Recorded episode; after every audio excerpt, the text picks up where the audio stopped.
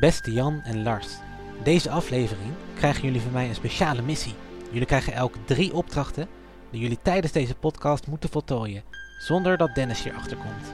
Als hij aan het eind van de podcast twee van jullie opdrachten kan raden, dan moeten jullie verplicht een 10 weken lange online cursus van Stine Jensen volgen over hoe je de waarheid kunt liegen, een paillettenpruim van Annemarie Jong aan jullie muur hangen en Jean-Marc van Tol over zijn fobie voor graafmachines heen helpen. Zorg er dus voor dat jullie de opdrachten voltooien zonder dat Dennis het merkt.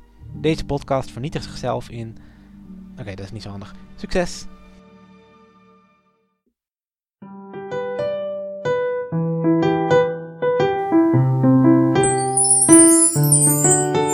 Duik een tunnel in met theorie. Gebruik statistiek of filosofie. Bestudeer gedrag, is dat een slinkse lach? Met een sterke hint kom jij voor de dag.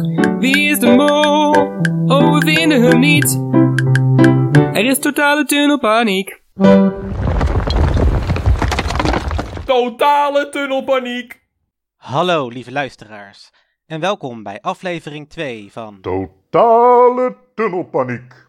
Ja, en die diepe stem kwam niet van mij, maar van Monkey's Uncle, een van onze paniekzaaiers. En denk je dat jij een nog vettere nickname hebt, of nog beter onze titel in kunt schreeuwen? Stuur dan een voiceclip naar ons op en dan horen we jou misschien wel in de volgende aflevering. Mijn naam is Tigo en ik zit hier met Dennis, Jan en Lars. En Lars, we kregen op het wiesemol.com forum bericht van Bruttedem, die vroeg om een nadere introductie van jou. In aflevering 0 had je al wel had je je al wel voorgesteld aan de hand van wat Wie Smol vraagt, maar wie ben je nou eigenlijk echt? Nou, ik eh, ben Lars. Ik ben 22 jaar sinds vorige maand en ik kom uit Zuid-Limburg, waar ik ook opgegroeid ben. En ja, mijn hobby's zijn vooral veel met muziek. Ik hou van zingen. Ik hou enorm veel van spelletjes en het psychologische aspect. Ik studeer ook psychologie, gezondheidspsychologie. En ja, ik ben eigenlijk al van kinds af aan fan van Wie is de Mol. Van de mindfucks en van de leuke twists. En dat is er altijd ingebleven. En uh, daarom ben ik ook nu bij deze podcast. Ja, dus het lijkt wel dat je de juiste eigenschap hebt om de mol te vinden met uh, studie psychologie en zo. ja, dat zou je Ja. denken, maar Ja. dat kan alsnog helemaal verkeerd gaan. Oké, dus we kunnen alsnog, dus het kan alsnog dat jij nu op de verkeerde mol gaat zitten. Dat kan heel goed, maar eh, ik eh, ga mijn best doen. Want we hebben jou er eigenlijk bij gehaald, omdat wij natuurlijk in seizoen 1 helemaal fout zaten op Tycho. Dus we dachten, we moeten iemand die het misschien allemaal beter doorheeft. Maar goed, dat is dus nog ook geen Ja. garantie. Maar we gaan het zien. Voordat we aan opdracht 1 beginnen, eerst nog een panikerende shout-out naar onze nieuwe patrons. Dat zijn Tim en Brent. Dank voor jullie steun. Goed, nou dan beginnen we maar bij opdracht 1 van aflevering 2 van Wie is de Mol 21. Om de tuin leiden. De kandidaten zijn maar weer eens in een oud sprookjeskasteel, want dat heeft blijkbaar elk Tsjechisch dorp. Twee groepen krijgen een rondleiding en moeten foto's maken. Joshua en Lakshmi, of zoals Erik zou zeggen Lapski, zijn de coördinatoren, maar moeten een lijst met geheime opdrachten doorgeven. René en Florentijn mogen die opdrachten niet raden, dan wordt er geld verdiend, anders kunnen zij een joker winnen. René probeert voor de joker te gaan, maar weet de opdrachten niet goed te raden, dus haar groepje verdient 700 euro. Florentijn gaat voor het geld, maar omdat er geen geld werd verdiend in zijn groepje, had hij basically net zo goed voor de joker kunnen gaan. Ja, wat is jullie opgevallen deze opdracht? Dennis. Er is mij heel veel opgevallen eigenlijk. Oh, Ten eerste, het is, het is een superleuke opdracht die Ja. voor de helft om zeep werd geholpen door Joshua. ja. Dat, dat zag je bij het andere team, dat het echt, echt heel leuk was om naar te kijken. En grappig ook gewoon om al die verschillende opdrachtjes te zien. Dat René gewoon helemaal niets door had. En ook gewoon nog weer ging schreeuwen van, ik hoor niets, ik hoor niets. Ja. En ja, dat ze dan die selfie maken. Dat, en ze zij echt als een soort van blinde, zeg maar. gewoon met die camera aan het rond, rondwandelen is. Ja, dat is echt geweldige tv. Maar ja, dat ging helemaal mis bij de andere groep. Ja, maar is dat nou een, is dat nou een molactie van Joshua? Dat kan een molactie zijn, maar aan zijn re- reactie te zien, was het wel echt gewoon een onverwachte fout. Ja, ik vind het ook wel, ik vind het ook wel lastig om eh, te zeggen eigenlijk. Want ik dacht ook van ja, hij gaat volgens mij opzettelijk gewoon kloten nu. Maar die reactie van hem, die was inderdaad gewoon, die leek zo echt. Dus ik denk van ja, hoe, Ja. hoe, ja, hoe dom ben je? Want vanaf het begin deed hij het eigenlijk al fout. Was, toen gaf hij al die dingen aan Florentijn door. Dus ja, ik vond, ik vond het heel apart. Van hem. Ik vind, ik vind het vooral heel interessant hoe Florentijn ermee omgaat. Ja, die had trouwens ook zijn zonnebril in zijn nek. Dat vond ik ook wel een rare gewaarwording. ik dacht van, meestal als je je zonnebril niet op hebt, dan zet je hem in je haar bijvoorbeeld of zo. Maar hij heeft dus zijn zonnebril op zijn nek. Ja, maar ik heb het idee dat Florentijn het, eh, het spel nog niet helemaal goed begrijpt of zo. Hoezo? Hoezo, ja, hoezo denk je dat? Nou ja, ik bedoel, hij had toch gewoon een joker kunnen kiezen. Want er was, hij, hij zegt, ik ga voor het geld, maar er was helemaal geen geld. Omdat die anderen, die hadden de opdrachten niet door. Ja, dus dat is misschien een geweldige mollenactie. Dat hij wist van er is geen geld verdiend. Dus ik ga nu een hele goede kandidaat spelen en zeggen van... Jeetje, ik eh, ga voor het geld en niet voor de joker. En iedereen denkt van, wat een geweldige fan. Zoals die Marije al zei van, ik hou van je Floriaan. Of Fl- Florentijn. Ehm, Florijn! dus Nee, eh, maar ik denk, ja, ik denk ook wat het is. Hij weet natuurlijk niet wat precies de opdracht is. Dus hij krijgt vanaf het begin al meteen Joshua te horen, die eigenlijk zegt van, dit is niet voor eh, Florentijn bedoeld. En Ja. ja, ja dan, dan krijgt hij dat allemaal te horen en denkt hij van, oh, moet ik dit nu wel horen? Is het nu omgekeerde psychologie? Want het is zo belachelijk het idee dat hij dat verkeerd door zou geven. Dus daarom kan ik me ook wel voorstellen dat Florentijn echt denkt als kandidaat van, oh, eh, ja, wat, wat moet ik nu? Want dadelijk is het weer een soort van psychologisch spel en dat hij wel voor het geld moet gaan, omdat er weer een twist in zit, zeg maar. Dus ik kan me wel voorstellen dat hij als kandidaat dan zegt van, ja, dan ga ik maar voor het geld. Ja, nee, ik, ik vond het raar. Ook gewoon als kandidaat ga je gewoon voor de joker. Hij weet de opdrachten, want die heeft hij doorgekregen van Joshua. Dus hij kan gewoon twee opdrachten opnoemen. dat, is, echt- dat is heel raar eigenlijk. Dat is dus echt gewoon een mollenactie dan. Ja, Want waarom gaan we niet voor een joker gaan? ja want het, er was En toch hij, geen hij, geld. wist die, hij wist die opdracht inderdaad gewoon. Ja, nee, precies. Van daarom heb ik dus het idee dat hij gewoon het spel niet helemaal begrijpt of zo. Ja, maar ik heb ook. Ja, ja.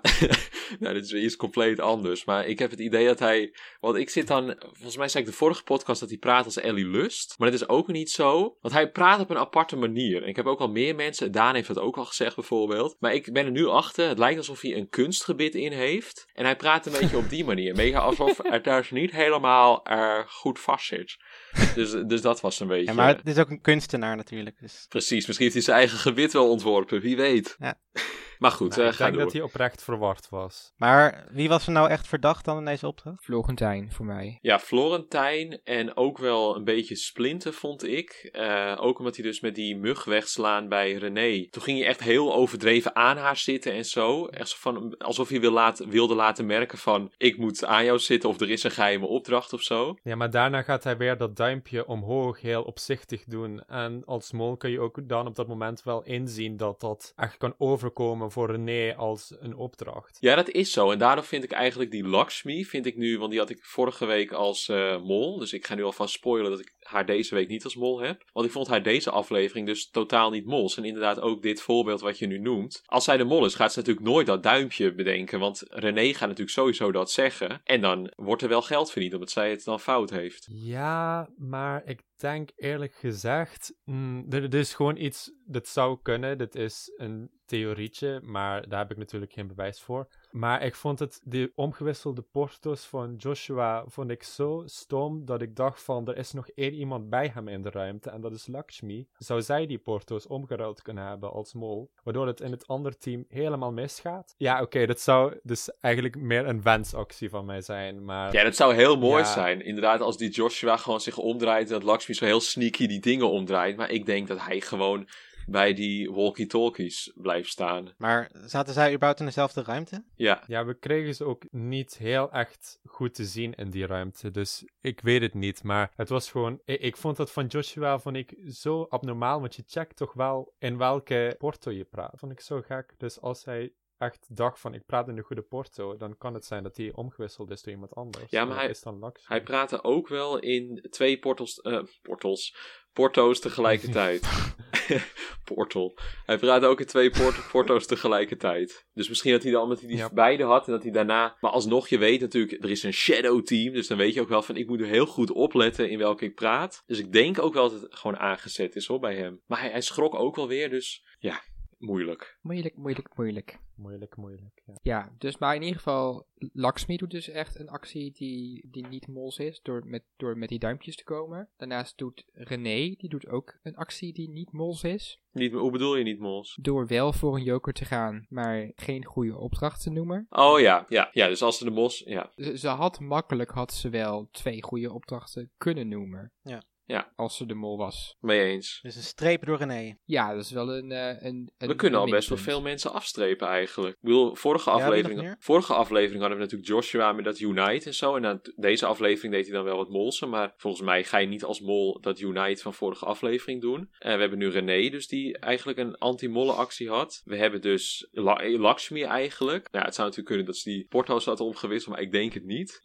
Dus zo kun je toch al aardig wat mensen weg gaan strepen. Maar ja, misschien is dat ook wel weer gevaarlijk hoor, als we dat nu al gaan doen. Ja, ik vind eigenlijk, ik ik vind die mensen die het nog het meest verdacht zijn door de kandidaten zelf, die kun je het makkelijkst wegstrepen. Dus Joshua en René, die kwamen heel vaak terug weer tijdens de test. Ik denk niet dat je als productie het zo gaat knippen dat eh, meteen die mensen dan super verdacht zijn. En dat is ook eigenlijk waarom ik ja, toch Laks Lakshmi niet helemaal weg wil strepen. Want zij wordt door niemand verdacht. Niet in de eerste aflevering ja. en niet in de tweede aflevering. En dat vind ik toch... Mhm. ik, ik, heb, ik heb gewoon een soort van trauma daarmee. Met mensen wegstrepen die dan echt heel kandidaats lijken. En dan opeens is het een eh, Jan Versteeg. Die dan eh, keihard eh, uit de linkerhoek komt. Ja, ja en Ja. Lakshmi zou ook gewoon echt leuk zijn als mol, denk ik. Dus ik hoop het ook wel Ja. een beetje. Zeker. Ja. Nog andere dingen over opdracht 1? Nou, wat goed dat je dat vraagt.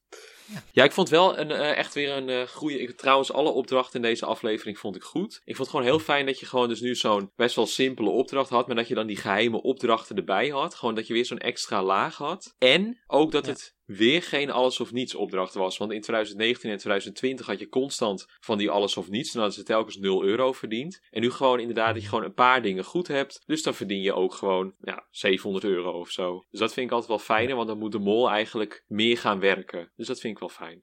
Ja, inderdaad. Oké. Ja, en ik vond nog steeds wel gewoon opvallend dat naast dat Florentijn na de opdracht ook zei van dat hij niet, niet meer precies wist wat hij nou wel had gehoord en wat niet. Ja, maar volgens mij, dat eh, geloof ik eigenlijk ook niet hoor. Ik denk dat het een beetje, dat hij dat meer voor zichzelf Nee. hield. Ja, nee, ik vind hem, ik vind hem wel Want dat zei, hij, dat zei hij toch niet in een biecht van ik weet het niet meer. Hij zei het toch tegen de andere kandidaten. Ja, ja, Ja, dus ik denk, want in principe als je gewoon hoort van in het begin van Florentijn mag dit niet horen. Dan ga je juist luisteren wat je hoort volgens mij als je die, de betreffende persoon bent. ja. Ja, en stel dat hij de mol is, dan snap ik ook dat hij nu zo raar reageert. Want dit was helemaal niet het plan van tevoren. Dit is echt compleet... Ja, dit wist hij eh, natuurlijk ook niet.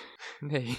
Dus hij, zou dan hier gewoon compleet moeten, moeten improviseren. Dus ja, ik denk dat dat wel kan. Ja. En daarnaast is het gewoon heel jammer dat we van Charlotte en Rocky, dat we daar eigenlijk helemaal niks over kunnen Ja, zeggen. die hier. Charlotte die ging gewoon alleen maar schrijven, heel hysterisch. Die dacht gewoon Ja. van, en helemaal met die gids van, oh ja, wat interessant, wat interessant. Dus eh, ja. Ja, maar dat is ook wel interessant, want stel nou dat een van die twee de mol is. Wat zou je dan... Je krijgt als mol de hele tijd geen instructies door. Wat ga je dan op een gegeven moment doen? Ja, niets toch? Want er wordt geen geld verdiend. Ja, precies. Als mol hoef je Ja. daar niks te doen. Nee, dat is waar. Ja, precies. En je kan er ook niks aan doen. Dus het is ook niet Ja. alsof je ja, een molactie misloopt of zo. Hmm. Nee. Ja, en daarom eigenlijk ook aan het einde had je, toen ze verteld kregen van er waren geheime opdrachten, zag je natuurlijk Charlotte en Rocky helemaal confused. Mhm. Echt, voor, vooral Charlotte vond ik echt een gezicht hebben waarvan ik dacht van, ja, die, die, dat is best wel oprecht gewoon. Dat ze zo verrast was. Niet mee eens? Hmm, Ik weet niet. Nou, We gaan het zien. Ah, ik, eh, ik hoor al een kleine verdenkingsswitch hier. Nou ja, ja, nou, ik bedoel, ik had Charlotte was wel een van mijn mollen al en dat is, dat is er nog steeds wel. Dus, eh, maar ik ga niet te veel spoilen natuurlijk. Ik heb nu wel altijd veel vertrouwen in jou, Tycho. Omdat je de vorige keer op Jeroen zat al echt aan het begin. Dus ik denk echt alles wat jij nu zegt is gewoon Ja. puur goud. Dus eh, ja, Charlotte. Nou ja, in de, eerste, in de eerste aflevering zei ik Marije als mol volgens mij. Dus, Oh, oké. ja, dus ga ik nu weer op een andere mol en dan uiteindelijk ga ik weer terug naar Marije in de finale. Ja. Dat is het plan. Nou, zullen we naar opdracht 2? Ja. Oké. De dans ontspringen. Naast sprookjeskastelen heeft Tsjechië ook een polonaise aan leegstaande kloosters. Om Splinter Chabot te citeren. Wederom een laseropdracht, maar niet zomaar één. Deze heeft namelijk Blacklight ballerina's. Geblinddoekte ballerina's met laserguns. Hoe vet is dat? De groep splitst zich op in verkenners en verzamelaars. En uiteindelijk zorgt Rocky in haar eentje voor 400 euro voor de pot. Is het ook meteen een streep door Rocky als mol? Mm, Ja. Nou, niet, niet, een, niet een keiharde streep, maar wel een potloodstreep, zou ik zeggen. Je kunt er nog uitgummen, maar voor nu wel Ja. even een streep. Het is, het is wel zeg maar ook gewoon en deze 400 euro en dan de vorige laseropdracht had ze ook geld verdiend. Niet heel veel ook, maar als je het dan allemaal bij elkaar optelt, dan is het toch niet heel erg verdacht meer. Ja. En ook, ja, omdat ze de vorige aflevering ook zo in de spotlight werd gezet en ook verdacht door mede kandidaten, denk ik ook dat het niet voor de hand ligt dat zij nu nog de mol zou zijn. Oké, en wie was er dan wel verdacht? Jan? Ja, hier was René op zich wel weer verdacht eigenlijk. Omdat zij zat dus in die tweede groep. En in die eerste, dus eerst waren die verkenners. En daardoor wist die andere groep, ik weet even niet meer hoe die dan heette. De wachters of zo, nou, geen idee. Verzamelaars, dacht ik. Verza- verzamelaars? Oké, nou goed. Verzamelaars. Dacht ik, ja. Toen wisten zij al een beetje in welke kistje het geld zou zitten. En René wist ook bij een zo'n kamer van dat er dan links of zo moest zitten. En toen ging zij heel hysterisch al die bakjes langs.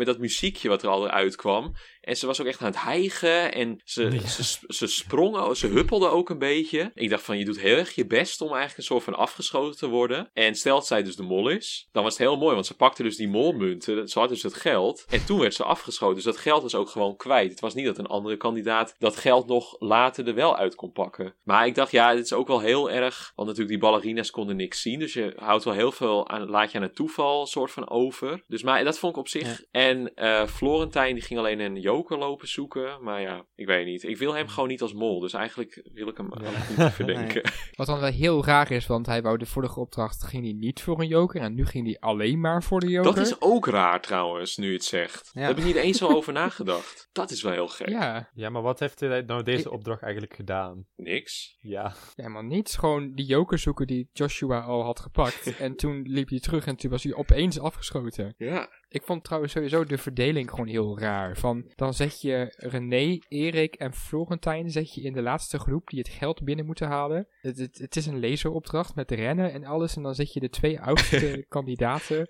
en, en een verwarde Florentijn zet je op de positie die het geld binnen moeten halen. Like, Ja, misschien wilden ze wel heel graag. Ik weet het niet. dat is toch raar?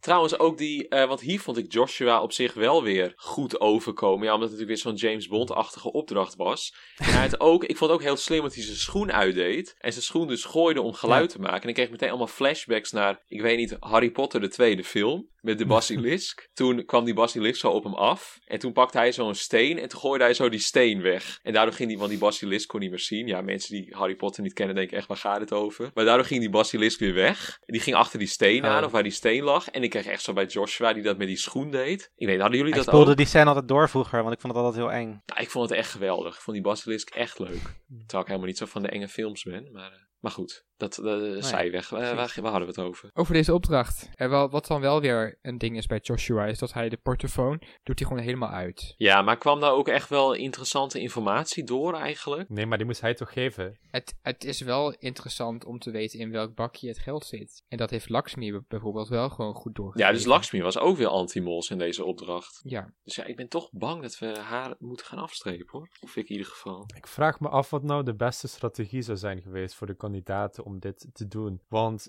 ik zou eigenlijk, ja, ik weet niet of tussen de rondes door de bakjes open blijven, zeg maar. Maar als je al weet waar geld ligt, dan zou je kunnen proberen om die bakjes al te openen. Om dat duidelijk te maken voor de verzamelaars. Omdat als je bijvoorbeeld een verkeerd bakje opent en jij zou eventueel afgeschoten worden, dan betekent dat dat de verzamelaars op zich ja, dan een tweede leven hebben, zeg maar. Want als een verzamelaar die bakjes gaat openen en dan een verkeerde opent, dan wordt dat ook problematisch. Eh, dan, dan is hij gewoon dood. Dus ja, ik weet niet wat de beste strategie zou zijn en hoe de mol, in welk, in welk team de mol überhaupt zou willen zitten. Want ik denk dat het ja, dat je toch wel in beide situaties kunt mollen. Maar daardoor vind ik ook weer eigenlijk de personen die vroeg afgeschoten werden, dan denk ik zo van, als mond, mond, als mol weet je, als mol weet je van tevoren de layout, de plattegrond van de hele situatie. Dus je kunt ook al een route uitstippelen met wat je gaat doen, of dat je ergens iets wilt gaan veranderen,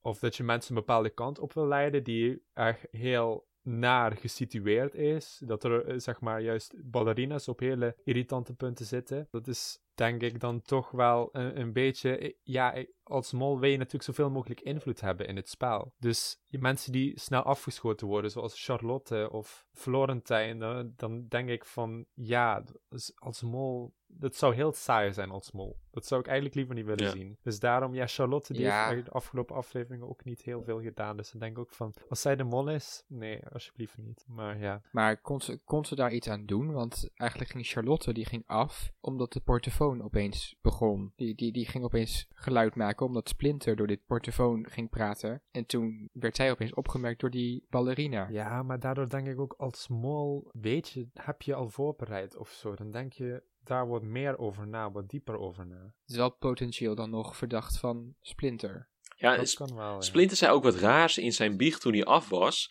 Want dat, dat heb ik nog opgeschreven. Want hij, hij impliceerde dat hij geld had. Want hij zei iets van: Ja, het is niet leuk als je afgaat. Maar als je geld met geld afgaat, dan help je de mol of zo. En dat zei hij, dat stukje van die biecht was toen hij afging. Maar we hebben nooit gezien dat hij geld pakte. Dus dat, dat punt snapte ik niet helemaal. Had hij nou geld of niet? Ja, dat is niet helemaal duidelijk Nee. ook. Ik denk- Ik denk, ik denk dat we sowieso bij alle opdrachten weer wat overzicht deden. Ja, we hadden ook weer niet zo'n zo'n kaartje of zo. Dat was ook wel handig geweest. Als we gewoon een beetje zagen van eh, wie waar was en zo. Ja, Mhm. Dat deden ze vorig seizoen wel beter in het jubileumseizoen, maar nu mist het ook. Ja. Ja, nu hebben we het nog niet gehad volgens mij, zo'n kaartje. Maar trouwens over die opdracht zelf, want we hadden het vorige week nog over dat laseropdrachten een beetje overrated zijn. Maar Die was echt heel leuk. ik vond dit wel echt een hele vette laseropdracht met die Dit was ballerina's. echt een van de beste opdrachten. Nou, we hebben nog maar twee afleveringen Ja. gehad, maar ja, dat is echt top. dit was echt een hele goede Ja. opdracht. Ik zou, ik zou het ook echt super leuk vinden om te Ja, spelen. en zo, ik zou het echt geweldig. In zo'n verlaten gebouw en donker en ik zou echt gewoon gillen. Ik bedoel, je weet gewoon,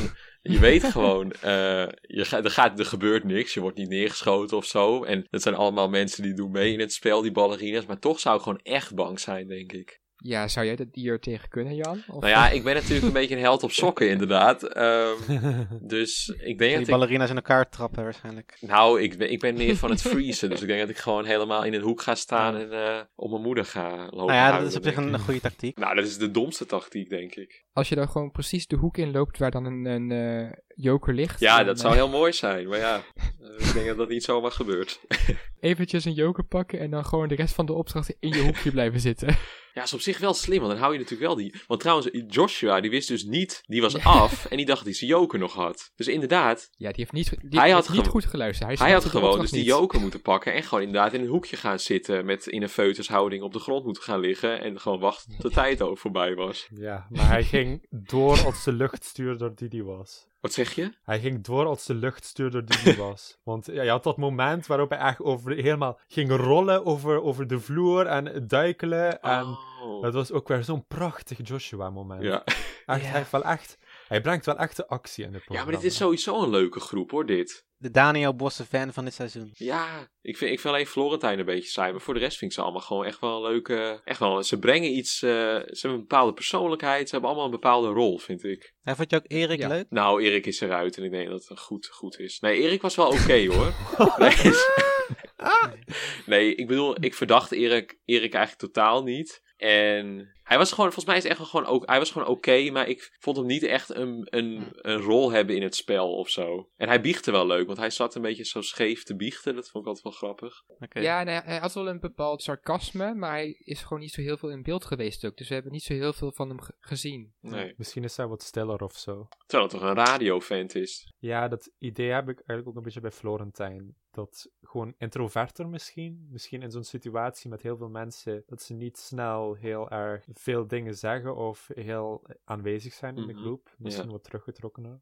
Dus ja, wat, wat, wat viel er nog meer op? Je had ook weer René die ook verkeerde aanwijzingen weer overnam. Dat ze met de bakjes, met Oh, ja. de ballerina's, dat ze dingen doorkregen. Dat ze twee keer iets zei over een gele ballerina, wat echt helemaal niet klopte. Want er is er maar eentje. Ja, maar dat wordt dan ook weer zo duidelijk in beeld gebracht dat ik dan denk van... Ja, het was wel echt een prachtig René-moment. Waarop ze schreeuwde, capitulatie! Dat het helemaal het rijtje afging. Van, de gele ballerina links, de rode ballerina weet ik veel waar. Dat vond ik eigenlijk ook weer zo mooi om te zien van René, dat ze helemaal in het spel zit.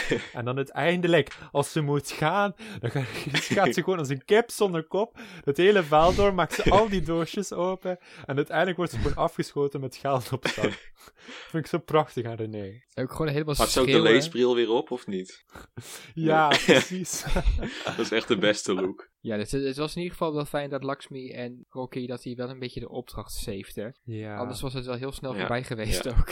Ja, maar Lakshmi was deze aflevering gewoon echt de MVP. Ze heeft alles gedaan, zowel in de eerste opdracht heeft ze die, die aanwijzingen heel goed doorgegeven en heeft ze eigenlijk basically gewoon ja, ervoor gezorgd dat René ook dan niet wist welke acties er genomen zouden worden door hen. En nu in die tweede opdracht was zij de enige persoon die consequent die aanwijzingen doorgaf. Gewoon die, die op de muur stonden met de blacklight, want Marije deed ook wel iets, maar Joshua en Ja. wie was de andere? Oh ja, Charlotte was meteen afgeschoten. Dus ja, deze hele aflevering is Lakshmi gewoon echt geweldig geweest als kandidaat. Ja. Als ze dat is. Dus Ja. niet de mol. Nou, kunnen we ook afstrepen. Wie zijn er nog over überhaupt?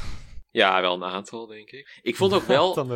Want ik zei ook vorige week dat ik Marije heel oprecht vond reageren. Of ik zei het in de voorbeschouwing, weet ik eigenlijk niet. Maar nu dat eh, Joshua dus niet zijn joker had, toen Rick dat zei. Toen reageerde ze ook weer zo heel geschokt van nee! Toen dacht ik ook van, je, rege je Ja, maar dat doet reageert... ze al de hele, de hele tijd. Ja, maar Ja, toen... maar zo is ze ook wel. Ja, maar toen dacht ik wel Denk van ja, misschien is ze heel erg dat ze denkt van ik ga gewoon op alles reageren. Dus dat vond ik weer een beetje verdacht. En het kan inderdaad dat ze zo is. Ik herken haar verder niet eigenlijk. Heeft iemand nog Ladies Night gekeken? Of? Eh, nee, want dat hoefde niet, toch? Want we hadden van iemand, was het van een patron of eh, iemand anders? Dennis, weet jij dat toevallig? Ja, dat, dat, dat was iemand in, eh, in een eh, Discord Was dat die, die Meerte? Meerte? Ja, Dus even een shout-out. shout-out. Volgens mij luistert ze niet naar ons. Jawel, ze, jawel, natuurlijk. Anders weet ze niet van de ladies night. jawel. Oké, dus die had het gekeken, volgens, of die keek het, en die zei dat ze altijd wel zo reageerde, toch? Oké, dus dat Ja, mysterie klopt. is nu ook uit de lucht. Dankjewel, Meerte. Ja, dat is niet helemaal goed voor mijn... eh, Nou ja, ik zit nog niet in de tunnel, maar Ja. het is goed om mee te nemen. Verder nog iets over opdracht 2? Ja, eigenlijk. Jullie gaan me weer voor gek verklaren, maar Vast wel. ja,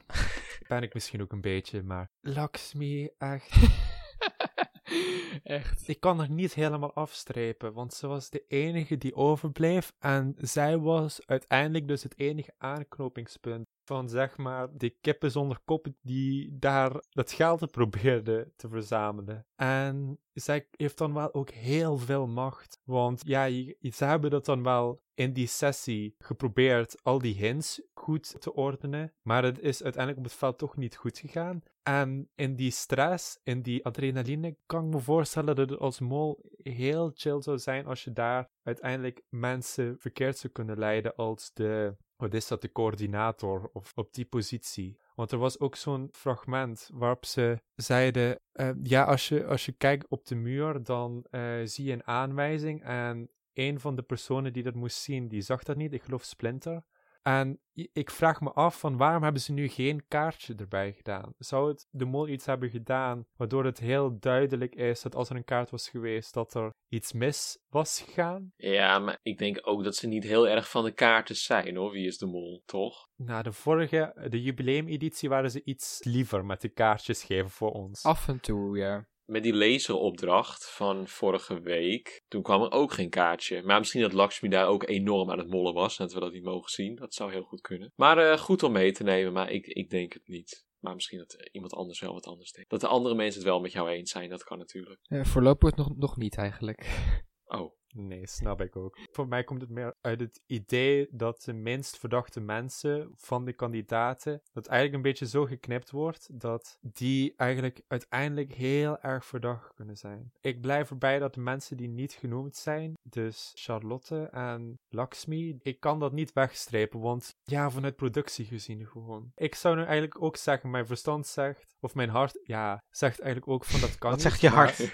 ja, vertel ons, wat zijn je diepste verlangens? Ja, ik heb geen idee, maar mijn hart en mijn verstand zijn een beetje aan het ruzie of zo. Een, een echtscheiding. Ja, jeetje, heftig. Ja, dus toch, het, het blijft in mijn achterhoofd, zeg maar. Dat de productie ons dingen wil laten geloven die ze willen dat we geloven. Ik heb ook wel steeds dat ik vanuit de productie probeer te denken eigenlijk. Maar het is niet altijd dat het me echt in de goede richting brengt. Ja, je, je, je wilt toch ook ergens eh, zo'n moment, moment hebben in de eerste afleveringen dat je kan zeggen van hier had je het kunnen weten, hier, had je, hier heb je de mol aan het werk gezien. En nu heb ik echt zoiets met bijvoorbeeld Lakshmi van ik heb haar nergens echt aan het werk gezien als mol op dit moment. Nee. Dus dan kan je het ook niet echt weten als alles achter de schermen gebeurt en buiten de camera. Als we daar niets van zien, dan kan je er ook niet achter komen wie de mol is. Nee, maar was het niet bij Merel ook een beetje? Dat uiteindelijk heel veel van haar molacties een beetje achter de schermen bleken te Ja, zijn maar Merel, gebeurd? Merel had ik echt naar aflevering 2 al door. Serieus? ja. Ja, was zeker je wensmol. Nee, niet eens. Dat was, dat was natuurlijk Nicky. Ah, ja, tuurlijk. Hoewel, ik wist natuurlijk dat Nicky, Nicky niet een mol was. Maar dan had ik alsnog wel andere wensmollen. Je had natuurlijk Evie nog in dat seizoen. En Sinan. En eh, Ja, maar was Sinan überhaupt echt jouw... Zou dat echt een wensmol kunnen zijn geweest? Die deed helemaal niks. ja, dat is toch een super Robert. Robert was leuk geweest als mol. Robert, ja. Maar goed. Oké, eh, terug naar dit seizoen. Oké, zullen we naar opdracht 3? Wel, moeten we nog even over die tussenscène van Splinter en Joshua. Hebben we daar nog een mening over? Over dat Splinter zegt van, eh, dat hij volledig de test op Joshua gaat inzetten. Wat vinden jullie daarvan? Ja, een beetje dom. Ja, of is Splinter de mol? ik denk wel dat het de enige optie is van de twee. Dat Joshua kan ook door deze scène eigenlijk gewoon bijna niet de mol zijn. Ook omdat uiteindelijk Splinter dus ook zegt van ik ga helemaal niets op Joshua invullen. Mhm. Dus dat maakt het echt wel heel erg ongeloofwaardig dat Joshua nu nog de mol is. Maar in- inderdaad, Splinter kan andersom wel. Even tussendoor, want Splinter die was actief in de politiek. Eh, Ja. Die was voorzitter van, ehm, JOVD? ja. Zou dat kunnen betekenen dat hij dan de mol niet is? Want je wil dan toch een soort van geloofwaardige uitstraling hebben, reputatie hebben. Nou, ik denk dat dat niet het probleem is. Oké, nou dan gaan we naar opdracht 3. Symbolisch bedrag. Deze opdracht wordt mede mogelijk gemaakt door Tatra. Tatra brengt je verder. De kandidaten moeten met trucks bordjes van de juiste symbolen omverrijden. Twee duo's, Rocky en Charlotte, en René en haar man Joshua, moeten de symbolen eerst fotograferen vanuit een bumpy ride. Florentijn moet de foto's vervolgens omschrijven aan Marije en Splinter en die moeten dan Erik en Lakshmi in de trucks de symbolen omver laten rijden. Er gingen uiteindelijk vijf goede borden om en drie fouten en daarmee wordt uiteindelijk 700 euro verdiend. Wie zijn hier verdacht? Lars. Goeie vraag, want ik ben een beetje confused Oeh. met deze opdracht. Ik kan beter beginnen met wie ik hier niet per se verdacht vond. Ja? Het idee is natuurlijk dat ze aan het einde hadden ze meer bordjes omgereden dan eigenlijk goed was voor hen. Dus er is eigenlijk geld van afgegaan. En dat waren, ik geloof in totaal hebben ze acht bordjes omgereden. En Charlotte en Rocky hebben er drie doorgegeven. Enkel drie. Ze hadden toch elf bordjes omgereden? Nee, dat is wat Florentijn zei. Dat Oh ja, eh, klopt. Niet klopte, totaal niet klopte. Die was helemaal confused. Ja.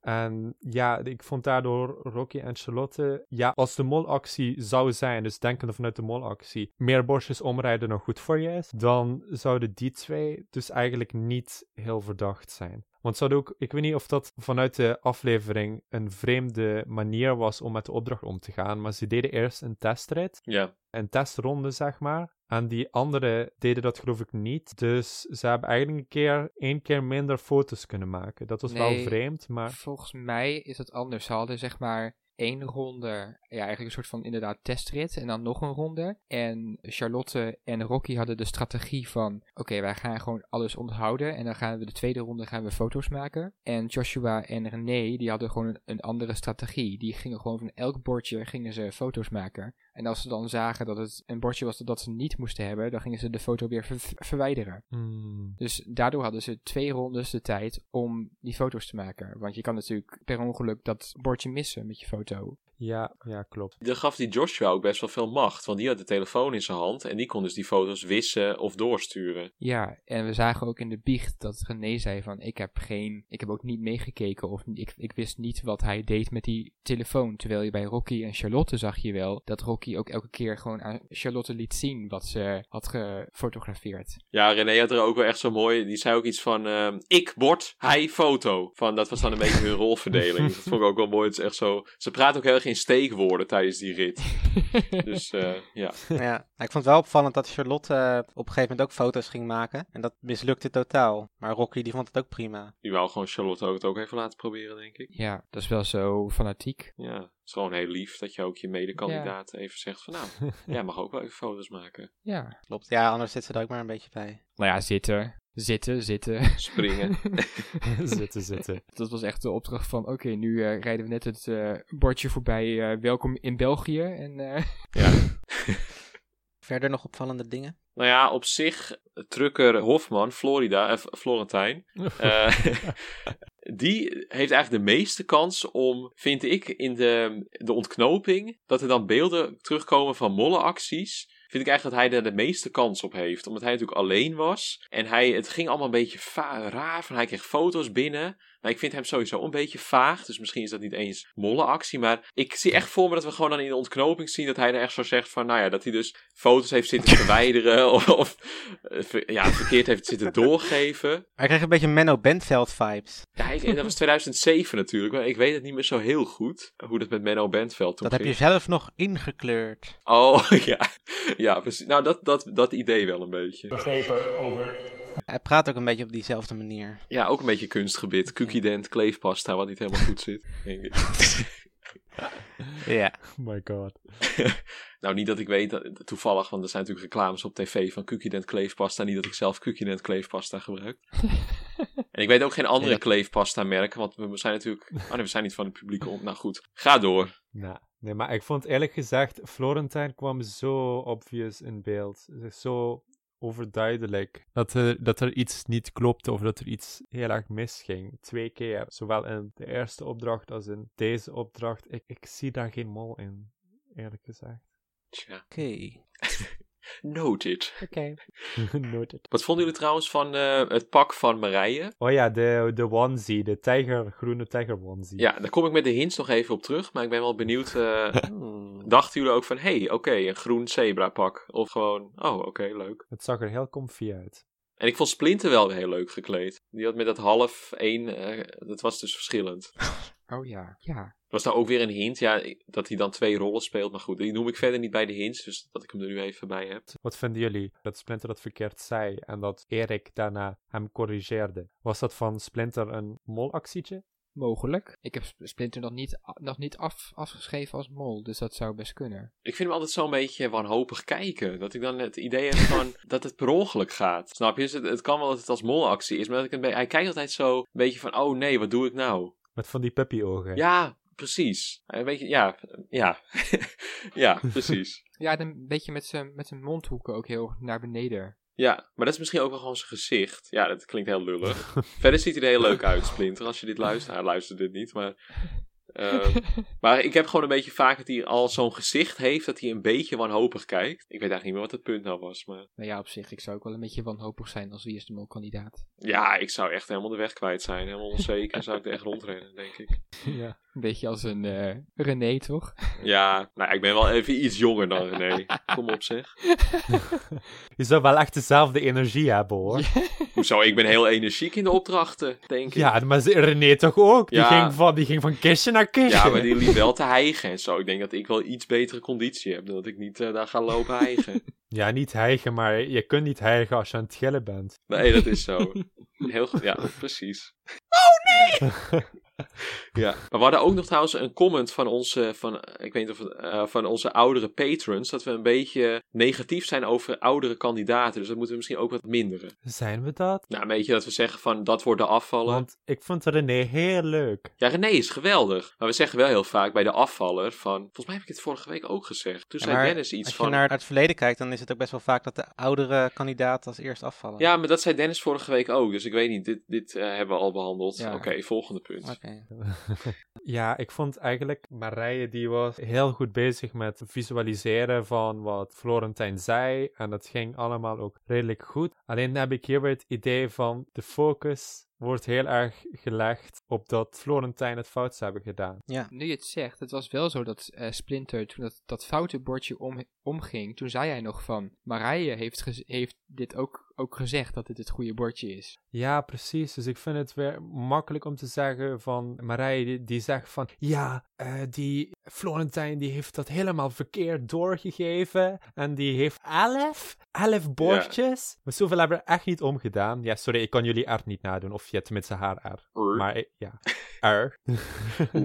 Maar het is, ja, de, focus komt heel erg op over alsof Marije het echt super goed deed en Florentijn gewoon eh, alles verknalde. En dan heb ik ook weer zoiets van, hmm, Hmm, Ja, want ze kan zelf ook tellen natuurlijk. Ja, ze weet natuurlijk niet wat Splinter doet, maar ze kon zelf, zeiden inderdaad ook wel iets van zes bordjes. Dus ze kan ook wel tellen van, we gaan er nu meer hebben dan we waarschijnlijk moeten doen als het om en om gaat. ja, precies. Nou, misschien kan ze helemaal niet, niet, niet goed tellen. Ja, dat is toch wel een beetje een basiseigenschap, dus- toch? Nou, je hebt wel mensen met dyscalculie, dus het zal inderdaad... Ja, Ja, misschien dat niet... Je- we willen niemand judgen. Ja, dat ik niet weer volgende week eens een apology moet hebben van sorry voor alle mensen met dyscalculie, dat ik zeg dat iedereen wel een, een beetje kan rekenen. Zo bedoel ik het niet. Ja. Ehm, Ik zou maar alvast een draftje maken of zo. Ja, maar het is toch ook zo als de meerderheid kan rekenen, dan is het toch niet zo raar als je... Nou goed, dit wordt allemaal heel moeilijk als ik er nu over inga. Dus voor mensen met dyscalculie, sorry, ik vind jullie helemaal niet minder. Jullie zijn net zoveel waard als iedereen. Elk mens is evenveel waard. Goed, Het is helemaal waar. precies. Tenzij je echt allemaal k- crimineel bent of zo en echt moorden hebt gepleegd en dat soort dingen. Maar goed. Lekkere luchtige podcast. ja. Ja, nou, we gaan door. Helaas moest Erik naar huis. Geen grote verrassing daar, denk ik, of wel? Nee, Nee, toch? punten. Ik had het goed. Ja, klopt. Ja, dat is goed. Is jullie bij de verdenkingen nog iets opgevallen? Ja, ik vond wel dat Splinter een soort nieuwe Stine Jensen werd. Want die had ook een hele filosofische uitspraak van... Ja, in dit spel eh, kan je niemand vertrouwen. Dus ik ga het in het extreme trekken. Dus ik vertrouw mezelf ook niet. Dus ik ga op iedereen spreiden, behalve Joshua. Dus spreidt hij ook op zichzelf of zo? Ik, ik vond het heel, heel vaag. Ik dacht echt zo van eh reïncarnatie van Stine Jensen. Ja, wat, wat mij opviel is sowieso dat de afvaller zei van... Ja, er is nog één iemand waar ik nog over na moet denken. Dat hebben ze natuurlijk bewust gedaan. Dus Mhm. Ja. ja, ik, ik weet niet hoeveel we daarover uit kunnen maken. En ze lieten ook wel heel erg... Marije, eh, die zei... Ja, het was geen verdenking, maar die zei zelf van... Eén ding weet ik zeker. Ik ga er vandaag niet uit, of zoiets.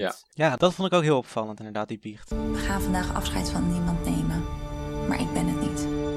Dat is ook weer zoiets waarvan je denkt van, hé, is het nou gewoon een molbiecht of wat? Ja, precies. Dat vind ik wel echt. Als een kandidaat is het wel super confident om dat te zeggen. Ze weet natuurlijk meer dan wij weten. Dus misschien weet ze dat iemand volledig op haar zit of zo. Als ze kandidaat is en dat die dus fout zit. Maar ja, dat is wel inderdaad opvallende biecht. Er zaten inderdaad wel vier mensen op haar, dus deels. Ja. Ja. Maar op wie zat Erik nou nog meer dan? Marije, Splinter en Rocky. Oké, en dus nog iemand, maar daar, daar dacht hij nog over na. Nee, dat zal misschien dus wel zijn hoofdverdachte zijn, waar hij de meeste vragen op heeft ingevuld. En dat mogen we niet weten. Maar dat is dan niet een van die drie. Nee, dat denk ik niet. Het zou wel kunnen. Kind of wat afleiding weer. Van dat je gaat focussen op wie is dan die mysterieuze persoon X die Erik noemt. Terwijl je eigenlijk de per- persoon die de echte mol is wel al genoemd is in die andere. Maar ja, dat is ook weer. Dat weet je niet. Nou, dan gaan wij naar de terugblik. En wij hebben onze paniekzaaiers gevraagd voor onderwerp. En we hebben een idee gekregen van Saskia. Saskia! En zij vraagt aan ons, hoe was jullie eerste ervaring Wie is de Mol kijken? Was het bijvoorbeeld live of een oud seizoen bintje? En vooral, hoe heb je dat toen der tijd ervaren als X-jarige? Nou Jan, begin jij eens. Leuke vraag trouwens. Ja, heel... Ik moet... Ja, ik, ik moest niezen, maar... eh, Sorry, dat komt niet. Ehm, Geen gezondheid. Ja, dankjewel. Niet dankjewel. Eh ik ben natuurlijk begonnen met kijken in 2008 en het was eigenlijk per toeval, want daarvoor had ik eigenlijk nooit van Wie is de Mol gehoord en mijn ouders keken het ook niet. En volgens mij in 2008 gingen we het gewoon, het was natuurlijk toen op donderdagavond, en we gingen het volgens mij gewoon een keer kijken. Nou, vanaf de eerste aflevering dacht ik al, wat is dit voor programma? Ik was eigenlijk meteen helemaal, helemaal into het programma en ik weet ook echt dat seizoen, ik geloofde ook meteen in alle domme hints eigenlijk. Dus gewoon echt, nou gewoon cijfer, dingen met cijfers en met letters en hoe de mol staat en zo. Of hoe een persoon staat. Dat, het zijn allemaal aanwijzingen voor een mol. Maar ik vond toen echt, ik was meteen, ik vond het een geweldig programma. Dus 2008. En eh, ik had de mol ook helemaal fout. Zat eerst op Joris Lins en daarna op Edo volgens mij. Maar goed, het was ook wel, Dennis was toen de mol. Die werd ook heel weinig verdacht. Dus op zich wel logisch. En toen daarna ben ik ook seizoen 2005 tot en met 2007 gaan terugkijken. Nou, het was echt gewoon, er ging een wereld voor me open. En sindsdien eh, ja, ben ik echt groot fan. Dus dat is een beetje mijn eh, geschiedenis van met Wie is de Mol. Maar had je nog meer vragen daarover, Tigo? Nee, ik denk dat je wel zo'n beetje alles beantwoord hebt. Nou, dat is heel mooi. Ik hoop dat Saskia blij is, want die is nogal eh, high maintenance. Nee hoor, Saskia, bent heel... Nee hoor, was een grapje. Helemaal niet, ze is juist heel lief. Saskia is heel leuk. Dennis, wat is jouw eh, verhaal? Nou, eigenlijk is het ook hetzelfde seizoen. Ik heb ook in 2008 en 2009 heb ik eigenlijk een beetje als casual kijker gekeken. Ik, wel, ik was eigenlijk ook niet, niet echt bezig met de hints en zo. Dus ik, ik ben ook wel benieuwd hoe Jan daar toen mee bezig was. Want volgens mij was er nog niet heel veel social media. Dus ik heb ik had niet zoiets dat ik dat allemaal via social media ging volgen of kon volgen voor mijn gevoel. Volgens mij had je gewoon wel wieisdemol.com, toch? Ja, wie is de mol.com had je wel. Want daar keek ik wel op. Want ik weet nog wel, in 2009 dacht ik toen dat vrouwtje de mol was omdat ze een sjaal om had en de sjaal vormde een M. Ik bedoel, en dat had ik volgens mij van ja. het wieisdemol.com ja, ik, ik, ik ben ook pas op in 2009 op wieisdemol.com gekomen. Dus Ja, ik was toen geen lid hoor, maar ik keek dan gewoon wat al die slimme mensen zeiden. ik heb dat echt pa- pas toen ontdekt. En ik werd echt pas actief daar in 2010. Dus dat was ook het moment dat ik echt Wie is de Mol echt ging volgen. Met alle hints en met alle extra discussies en bes- besprekingen met andere mensen erover. Dus eigenlijk eh, die eerste twee seizoenen heb ik een beetje gewoon... Ja, weet je, dat kijk je gewoon leuk op donderdagavond. En dan, dan is het weer klaar. Dus daar heb ik eigenlijk niet echt een hele heldere terugblik naar voor mezelf. Ik heb geen idee wat ik er toen precies van vond. Of wat, ik heb er niet he- heel veel herinneringen naar. Maar je vond het natuurlijk wel leuk, maar niet, niet meteen Ja. geweldig. Nee, ik moest er wel even inkomen. Ja. En toen in 2010, toen ben ik eigenlijk, want ik ben bij wieisdemol.com ook gekomen meer door Expeditie Robinson. Oh, dus jij bent helemaal niet zo'n OG eh, Wie is de Molle? Je bent echt van eh, Expeditie Robinson. Ja, ik ben eigenlijk via Expeditie Robinson ben ik eh, op, op de site gekomen. En toen uiteindelijk ook in het Wie is de Mol ged- gedeelte terechtgekomen. Ja. En toen dacht je, dit is veel leuker dan dat eh, Expeditie Robinson. Ik, ik vind Wie is de Mol wel, wel een leuker, leuker programma nu. Maar ik had wel dat ik altijd wel iets actiever was bij Expeditie Robinson dan bij Wie is de Mol. Ja, maar daar is toch niet zoveel over te... Ja, oké, je kan wel... Ja, dit gaat natuurlijk weer over iets heel anders. Maar je kan wel commenten over wat de mensen doen. Maar je hebt niet echt mysterieus iets of zo, toch? Je hebt wel gewoon het bespreken van de strategie van bepaalde mensen, over bepaalde acties, discussies, eh, hoe ze moeten stemmen. Ja, oké. Ja, Allemaal drama. eh, dat is altijd leuk. dus Ja, dus ook aapjes kijken, eerlijk gezegd. Ja, vreselijk. Dat ze, ik zou er echt nooit aan meedoen. Ik heb nog nooit echt Expeditie Robin- Robinson gezien eigenlijk. Ik heb Nee? Mol 2014 gezien. Maar het is echt eh 20 weken op tv per jaar of zo. Want echt, het zijn echt 20 afleveringen. Want ze beginnen echt met 30 mensen. nee. nee, maar het is toch wel gewoon, uit, uit het originele is het ook echt gewoon een sociaal spel. Dus het is heel interessant om te kijken hoe mensen gaan reageren als ze in zo'n situatie gezet worden. Ja, heel interessant, ja. Het psychologische aspect en hoe het dan gewoon gaat botsen, ja. Ja, maar in ieder geval terug naar Wie is de Mol. Oh ja. En mijn eerste, eerste, eerste echte seizoen dat ik echt gevolgd heb was dus 2010. En dat vond ik echt wel geweldig. Sowieso met Soondos, die ik toen nog helemaal niet kende. En toen in, de eerste aflevering was ze gelijk echt hilarisch. Natuurlijk had je ook Karin de Groot in dat seizoen, die ook super hilarisch was. Dus ik was al helemaal fan van hun twee vooral. 2011 toch? In 2011, ja, Sundos. Oh. Ik zat ook te denken. 2010 was Japan. Met Kim Pieters, Oh, ja. Een Mol, En Frits Sissing. Sanne Vogel Vogel. Oh, ja. Nee, dat was, Vogel, dat, dat- dan was dat het, eh, het begin. Zie je, ik, ik, ik, ik ben helemaal Dus verward. 2011 pas. Nee, maar wel, Oh. nee, 2010 wel, want dat heb ik ook gevolgd. Oké. Ah. Toch? Ja, dat heb ik ook gevolgd. Ja. Nou, dat geeft wel een leuk kijkje in jouw eh, geschiedenis. Ja, nee, ik, ik weet helemaal niks meer. Nou, en jij Lars? Ja, bij mij is het allemaal ietsjes vager, want... Eén baas. Vager, ja.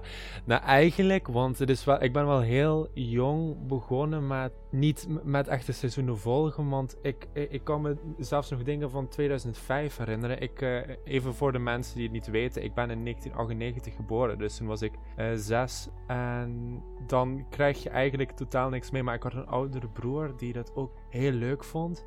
Dus als je gewoon, ja, Wie is Mol kwam ook redelijk laat op de tv, dus soms hij keek dat graag, hij mocht het al, al kijken, maar ik, het was een soort, van ook een special occasion, een, een speciale gebeurtenis voor mij als ik Ja. eens een avondje langer op mocht blijven en dat mocht Hmm. kijken. En dus ik snapte het niet helemaal, maar ik heb wel echt vage herinneringen van eh, Mark-Marie Huibrecht en Yvonne Jaspers op, eh, wat was het, boten of speedboten of iets. Maar die seizoenen die heb ik ook eigenlijk weer in mijn puberteit teruggekeken en die zijn niet heel vers. Het zijn de minst verse seizoenen voor mij. En 2006 kan ik me herinneren hoe ze met ja, de mol gingen praten in die kerk, geloof ik was dat. Ja, klopt. Ja, zie je, dus het zijn allemaal hele vage flarden van herinneringen van mij van net toevallig de dag dat ik op mocht blijven.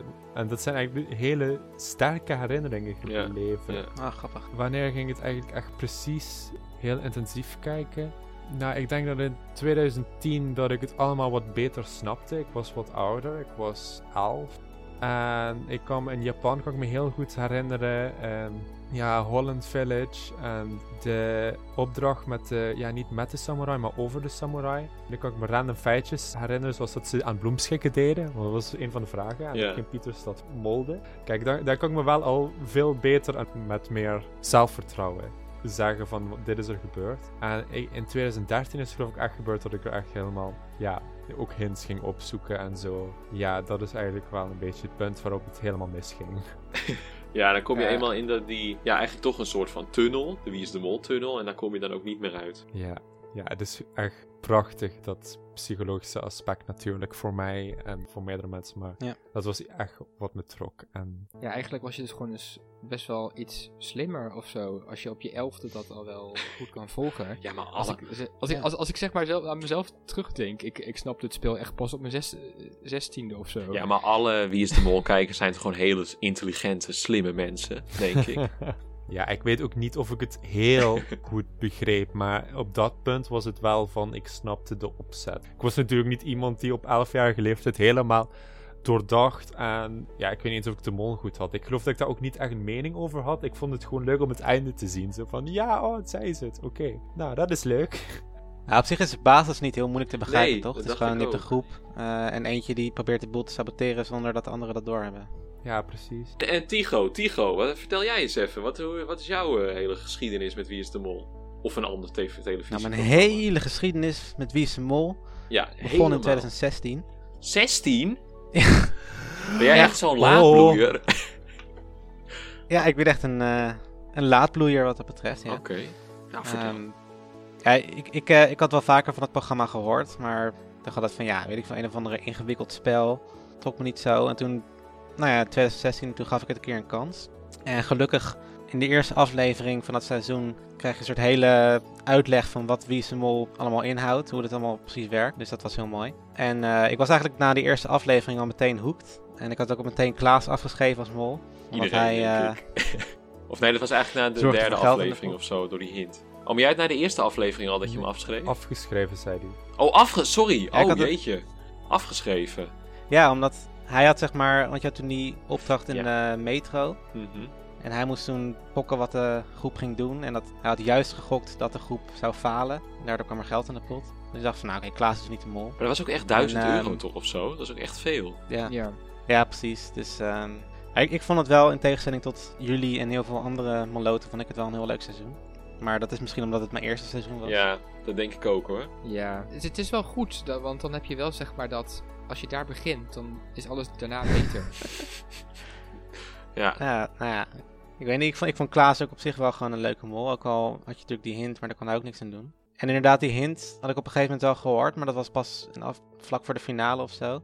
En ik verdacht Klaas daarvoor ook totaal niet. Dus eh, dat was ook mijn eerste ervaring met tunnelvisie eigenlijk en eh, verkeerd zitten. En eh, nou, toen was ik eigenlijk zo'n fan dat ik snel daarna al die andere seizoenen ben gaan terugkijken. En binnen no time was ik helemaal up-to-date. Ja, en toen in 2018, toen heb ik me ook aangemeld op het wiesemol.com forum. En toen heb ik me in dat seizoen helemaal daarin verdiept. dacht ik van, ik ga, ik ga een keertje helemaal in eh, de bron van alle moloten wel ervaren. Ja, dat was op zich wel heel leuk, maar aan de andere kant ook wel weer heel intens of zo. Dus ik, het jaar daarna had ik zoiets van, nou ja, eh, nu even wat minder. Maar ja, en, en sindsdien eh, wel een beetje met die mol community gebleven. En nu een podcast erover, dus zo snel kan het gaan. Oh, wat leuk dat je een podcast doet. Ja. Ja. Dus, eh, totale tunnelpaniek heet het. Oh ja, ik heb er wel eens Oh. vaag van gehoord. Maar- Maar, eh. Originele naam. Ja, het is, het is nog Zit- een beetje in, eh, in opkomst. Maar... Ja, er zit ook iemand in die vind ik niet zo leuk eigenlijk. Dus eh, die gaat ook al door, er doorheen Ja. praten. En eh, die heeft allemaal mono- monologen en zo. Klopt. Ja, nou, maar verder, die andere zijn op zich wel leuk. Ja, die zijn heel leuk, ja. Maar ik kijk even, ik luister niet vanwege Maar op zich heeft die, die ene gast heeft op zich altijd wel goede hints. Dat vind ik ook wel. Ja. Wat een prachtig bruggetje is dit. Heb jij, heb, jij, heb jij trouwens nog goede hints? Of, eh, Ja, nou nu je het zegt. Ik bedoel, ik heb hier een heel lijstje met hints. Oh, vertel nou. op. Nou, zullen we beginnen dan met de hints? Het is een hele waslijst, dus eh buckle up, Oh zou ik zeggen. Natuurlijk beginnen we, waar begint de aflevering mee? Met de aflever- afleveringstitel. En dat was Ja. Voorbeeld. En die kan bijvoorbeeld slaan op Fabio, eh, jezus, eh, Florentijn, die eh, voorbeeldgedrag vertoont door in opdracht 1 te kiezen voor het geld. Dat zou natuurlijk, dat is voorbeeldgedrag. Maar het kan ook slaan op een Lakshmi over de hele aflevering, omdat zij voorbeeldgedrag vertoonde, omdat ze zo'n goede kandidaat was. Of, en dit is dan misschien wat meer hinterig, René staat in de leader, staat er achter haar een beeld. Dus zij staat voor beeld. Maar ja, dat vind ik een beetje. Maar dan denk ik ook een beetje van ja, dan opeens een aflevering gaat over een stuk in de leader. Ik weet niet wat jullie daar. eh, Ja, maar het kan dus maar iedereen wijzen uiteindelijk weer. Ja, maar dat is ook het idee van die titels, denk ik. Ja. Ja, maar ik probeer dus altijd te kijken naar, naar wie kan het totaal niet wijzen. Oké, maar wie, wie denk je dat dan, aan wie Dan het niet. totaal niet kan wijzen? Nou ja, daar heb ik niet op gelet. nee, maar dat, dat werkt alleen als echt elke afleveringstitel naar de mol wijst. Dan kun je echt gaan kijken van, oké, naar wie, bij wie kun je dit totaal niet plaatsen. Dan kun je diegene afstrepen. Maar ja, dus de ene titel wijst wel naar de mol de andere niet. Dus je hebt daar eigenlijk helemaal niks aan, toch? Ja, niet dat ik je rubriek onderuit wil schoppen, maar... Ja, ik zit nou wel met tranen in mijn ogen. Ik bedoel, eh Oh hoe jee. durf je? Ja. Shit. Nou, laat ik maar meteen doorgaan met de volgende hint, want ik voel de emoties hoger opkomen. Ja. Dit is nog even terug naar aflevering 1. Toen was er een moment dat Florentijn in zijn molboekje zat te kijken. Dat heb ik toen niet genoemd. Maar er is daar een molletje in getekend. En dat is een bekend Tsjechisch molletje. Want er is een figuurtje, en dat is heel bekend in Tsjechië, en dat is een molletje. En die heeft Florentijn dus in zijn boekje staan.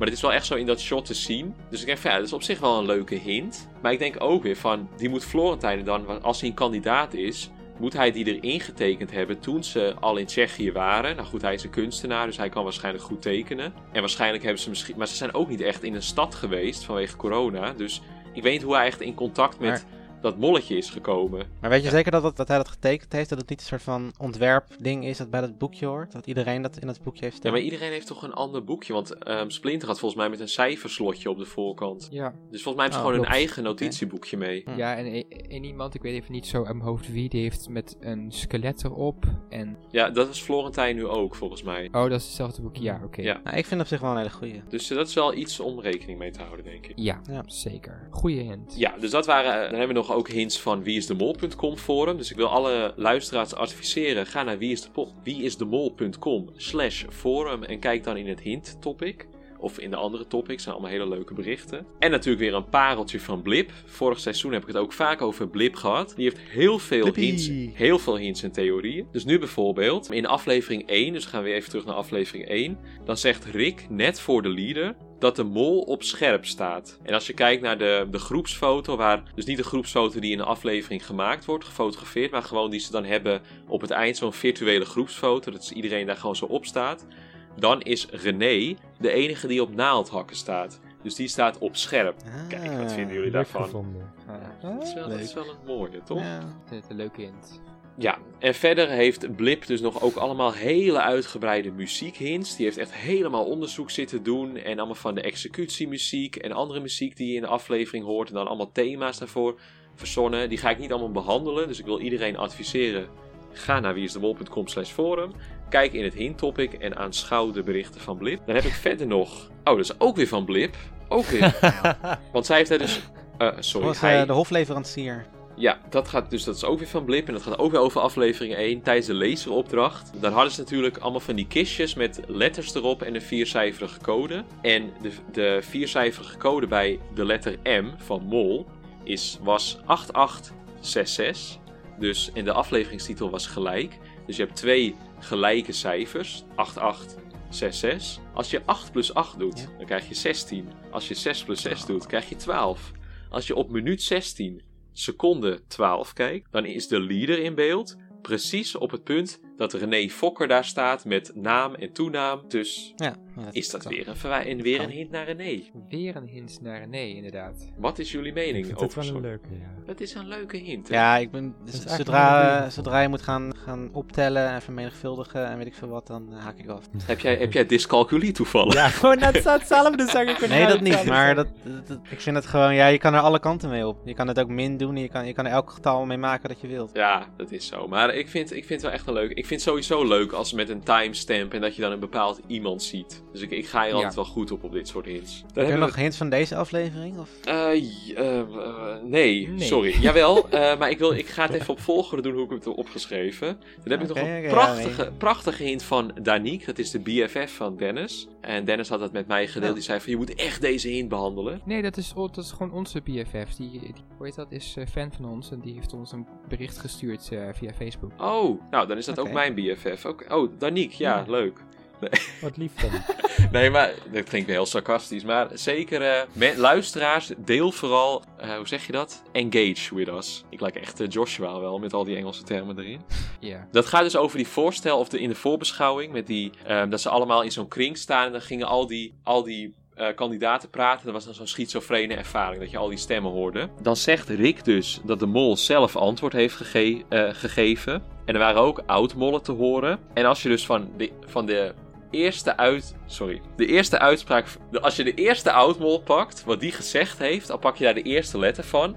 En van de tweede oudmol die wat zei, pak je de tweede letter. De derde oudmol die wat zei, pak je de derde letter, enzovoort. Dan krijg je dus de letterreeks eh Ketsair Airo, yo. Hmm.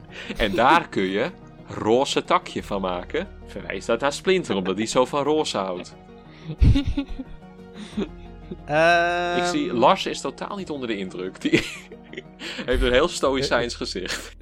Als Splinter volgende aflevering een roze takje uit zijn tas haalt, dan, eh, dan ben ik helemaal om. ja. Hij heeft al een roze kistje uit zijn tas gehaald. Dus wie weet wat voor roze dingen hij nog meer uit zijn tasje zou. Precies. Nou, we houden het in de gaten. En je kon er ook Joker Zeta van maken. Dus, maar ja, goed. Zeta Joker is Zeta. Zeta is een Griekse letter, maar ja, dat weet ik zelf ook niet. Maar eh, wie weet dat we de ontknoping horen van eh Zeta en dan eh, heel verhaal of zo. Dan heb ik nog twee hints, dus eigenlijk gaat het best wel snel misschien, of het voelt zo dat de tijd snel gaat. Verder draagt Marije vaak groen en in combinatie met haar rode haar heb je dus heel vaak dat zij rood-groen heeft. En die joker op de jokerkaart is ook rood en groen. Dus is dat een verwijzing naar dat zij de joker is, oftewel de mol. Wat denken jullie daarvan? Cool. Ik denk eerlijk gezegd dat Marij iemand is die helemaal in de fashion. Ja. de- ja, heel, heel goed is met fashion. Mhm. Groen en rood zijn wel gewoon complementerende kleuren van elkaar. Ja, Ik bedoel, het zou wel, het zou wel echt grappig zijn als, als de mol ermee een trendsetter is, onbewust. hoe bedoel je? Gewoon met, met dat zebra pak? Nou ja, dat ze, dat ze gewoon bij de mol hebben bedacht van, nou, je, gaat, eh, je haar is rood en je doet groene kleding aan en het, het ziet er best wel goed uit, toch? Ja, want da- daarom doen ze dus ook bij de slagerij. Ja, alle vegans die gaan nu, zitten nu te trillen. Maar bij de slagerij hebben ze ook altijd van die, van die groene... Was dit weer geen goede uit? Oh, Echt Jan. Echt de apology, de Jan-apology naar de vegans doen. nu. Nee, die hebben natuurlijk een heel goed punt. Maar bij de slagerij hebben ze ook altijd van die groene, van het groene creppapier naast het vlees liggen, zodat het vlees roder lijkt. Omdat het inderdaad complementerende Ah, ja. kleuren zijn, rood en groen. Fun fact Ja. even tussendoor. Ah, fun fact. Ja, nou, en dat, eh, dat, Ja. mondt, dat mondt uit in de volgende apology, in de volgende aflevering. Nou, je hebt de mensen met dyscalculie weggejaagd, de ouderen heb je weggejaagd en, de nu de vegans. Oh, jezus. Ik denk dat ik gewoon ermee moet gaan stoppen. Drie keer de scheepsrecht, Jan. Drie Ja, precies, precies. En de laatste hint, die is van Amethyst. Dat is dus ook een wieisdemol.com lid. Als je op die officiële Wie is de Mol site kijkt, dan staan natuurlijk alle kandidaten daar. En die hebben allemaal een achtergrondje. En bij 7 van de 10 zit er iets van rood in die achtergrond. En bij 3 van de 10 is het bijna volledig groen. En dat zijn dus Rocky, Florentijn en Splinter. Betekent dat dat zij de finalisten zijn. En dus dat de mol tussen die drie zit. Hmm. Hebben ze al eens eerder zo'n hint gedaan waarin ze de drie finalisten bekend maakten? Ja, want in 2009 hebben ze in de leader. Heb je bij Aniek, Vivian en John heb je dat, want dan toen was nog zo'n groen Vivian. lijntje wat dan. Sorry? Vivienne. Vivi, zei ik Vivian? Vivi Ja, Oh, sorry. Vivi je wil gewoon heel graag dat ze Vivian heet. ja, nee, ik, natuurlijk Vivienne, dat weet ik. Maar dan hebben ze zo'n groen lijntje om zich in de leader. Dan komt zo de naam in beeld en dan zo'n groen lijntje. En bij elke kandidaat gaat die van links naar rechts. Alleen bij dus de drie finalisten toen begint hij dan op hun hoofd en dan gaat dat lijntje zo naar beneden. En ik weet niet of dat een Hmm. officiële hint was. Maar dat is toen gevolgd. Ja. Oké, dus dat was toen in de leader kon je toen al zien wie de finalisten waren. Ja, maar ik snap nooit waarom, waarom zouden ze naar de finalisten hinten of zo. Dat, Nou, dan weet je, dat is ook een soort van mollehint. Dat is op zich wel goed, want dat is een mollehint. Ja. Zonder dat je eigenlijk meteen de mol bekend maakt. is. Ja, maar je weet dan al wel wie, wie de afvallers zijn, in principe. Dus dan kun je Ja. de helft van de aflevering overslaan. Ja, hallo, nee, Maar ja, natuurlijk niet. Het gaat om de journey en, of om de experience. En. Ja, maar als je dan al weet wie de, wie, de, wie de finalisten zijn, dan heb je de experience niet meer. Ja, maar jij gelooft die in toch nu niet, of wel? Nee, maar als het dan uiteindelijk buiten kloppen, dan is het ook een nutteloze hint. Als ik er niet in geloof. Nutteloos? Dan... Nee, want ik geloof er wel enigszins in, eigenlijk. Misschien. Oké, maar dan, dan, dan is jouw seizoen verpest. Want dan weet je al wie de afvallers zijn. Nee, want ik weet het niet zeker. Wacht, wie waren het? Rocky Splinter aan? Florentijn.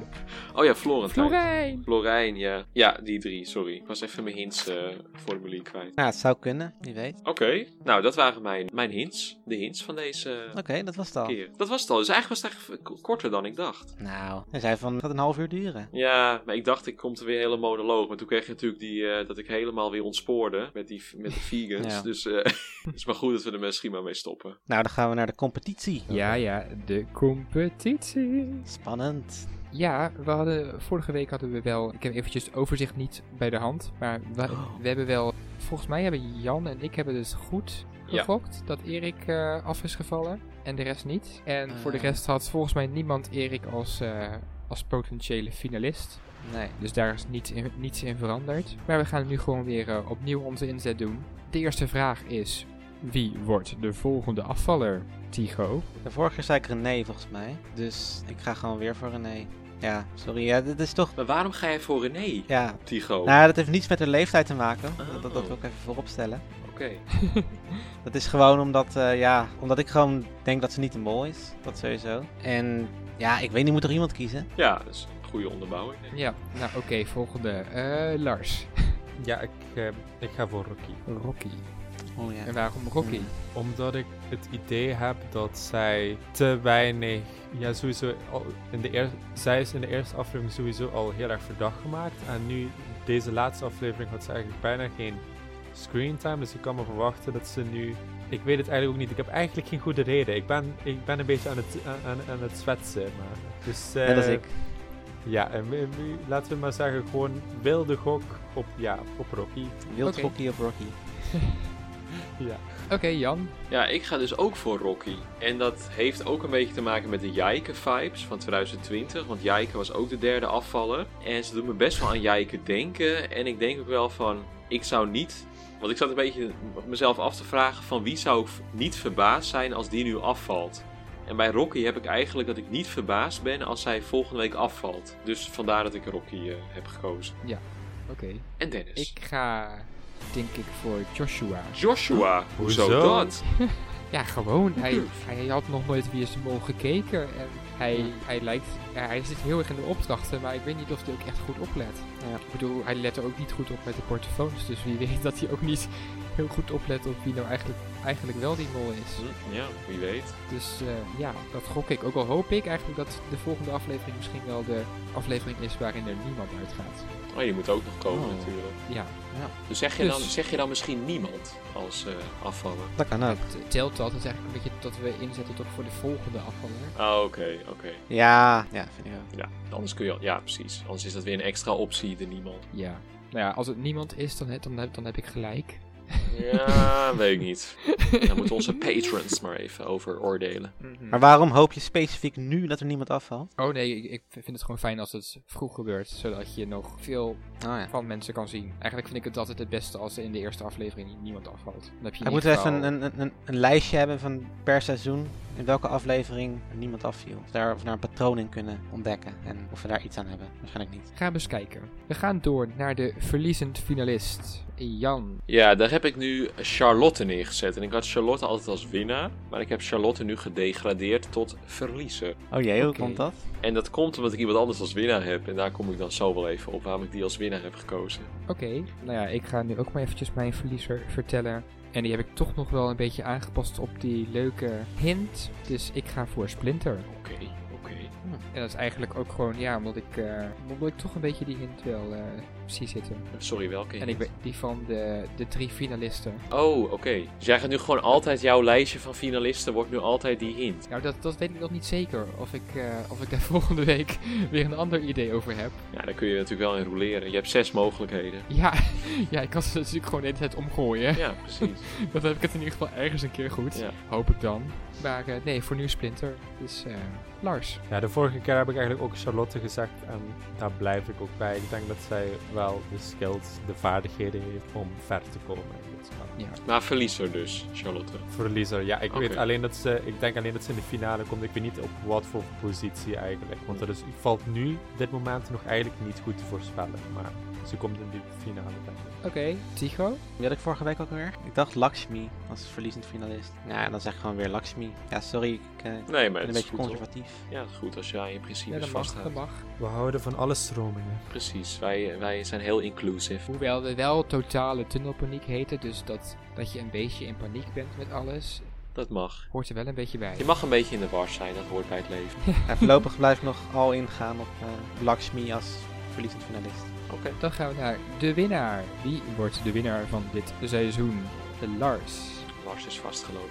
Wacht, ik was even aan het kijken wie ik de vorige keer ook alweer zei. Wie zei ik het toen? Oké, we gaan eerst door naar zei ik Jan. Joshua. Wacht, ik weet het weer, ik weet het weer.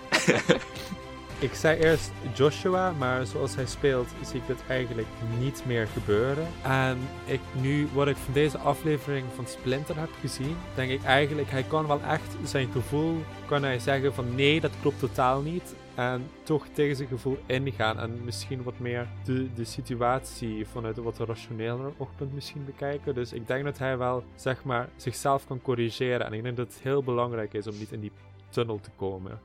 Waar heel veel kandidaten op uitgaan. Dus ik zie hem ook wel ver komen. Ja, ik denk ook omdat ze dat specifiek zo laten zien, die scène. Dat het best wel Ja. kan betekenen dat een van die twee uiteindelijk best wel ver komt nog. Of Ja, allebei. precies. Oké, en Tycho? Maar dat negeer ik gewoon verder. Dus ehm, ik zeg gewoon weer Charlotte als winnaar, winnares. Ja, oké. Ja, daar blijf je gewoon bij. Tot bittere eind. Ja, ik heb nu eh Marije als winnaar. En die heb ik niet eerder genoemd als finalist. Ik, ik vind haar heel erg aanwezig. Nou, ik denk dat iedereen het wel vindt. En ik denk, zij is gewoon... Ik zie haar echt wel als finalist eigenlijk. En nou, ik heb dus inderdaad Charlotte gedegradeerd tot verliezer. En Marije dan als winnaar. Maar ik heb er niet echt een hele sterke onderbouwing voor. Dus bij deze. Oké.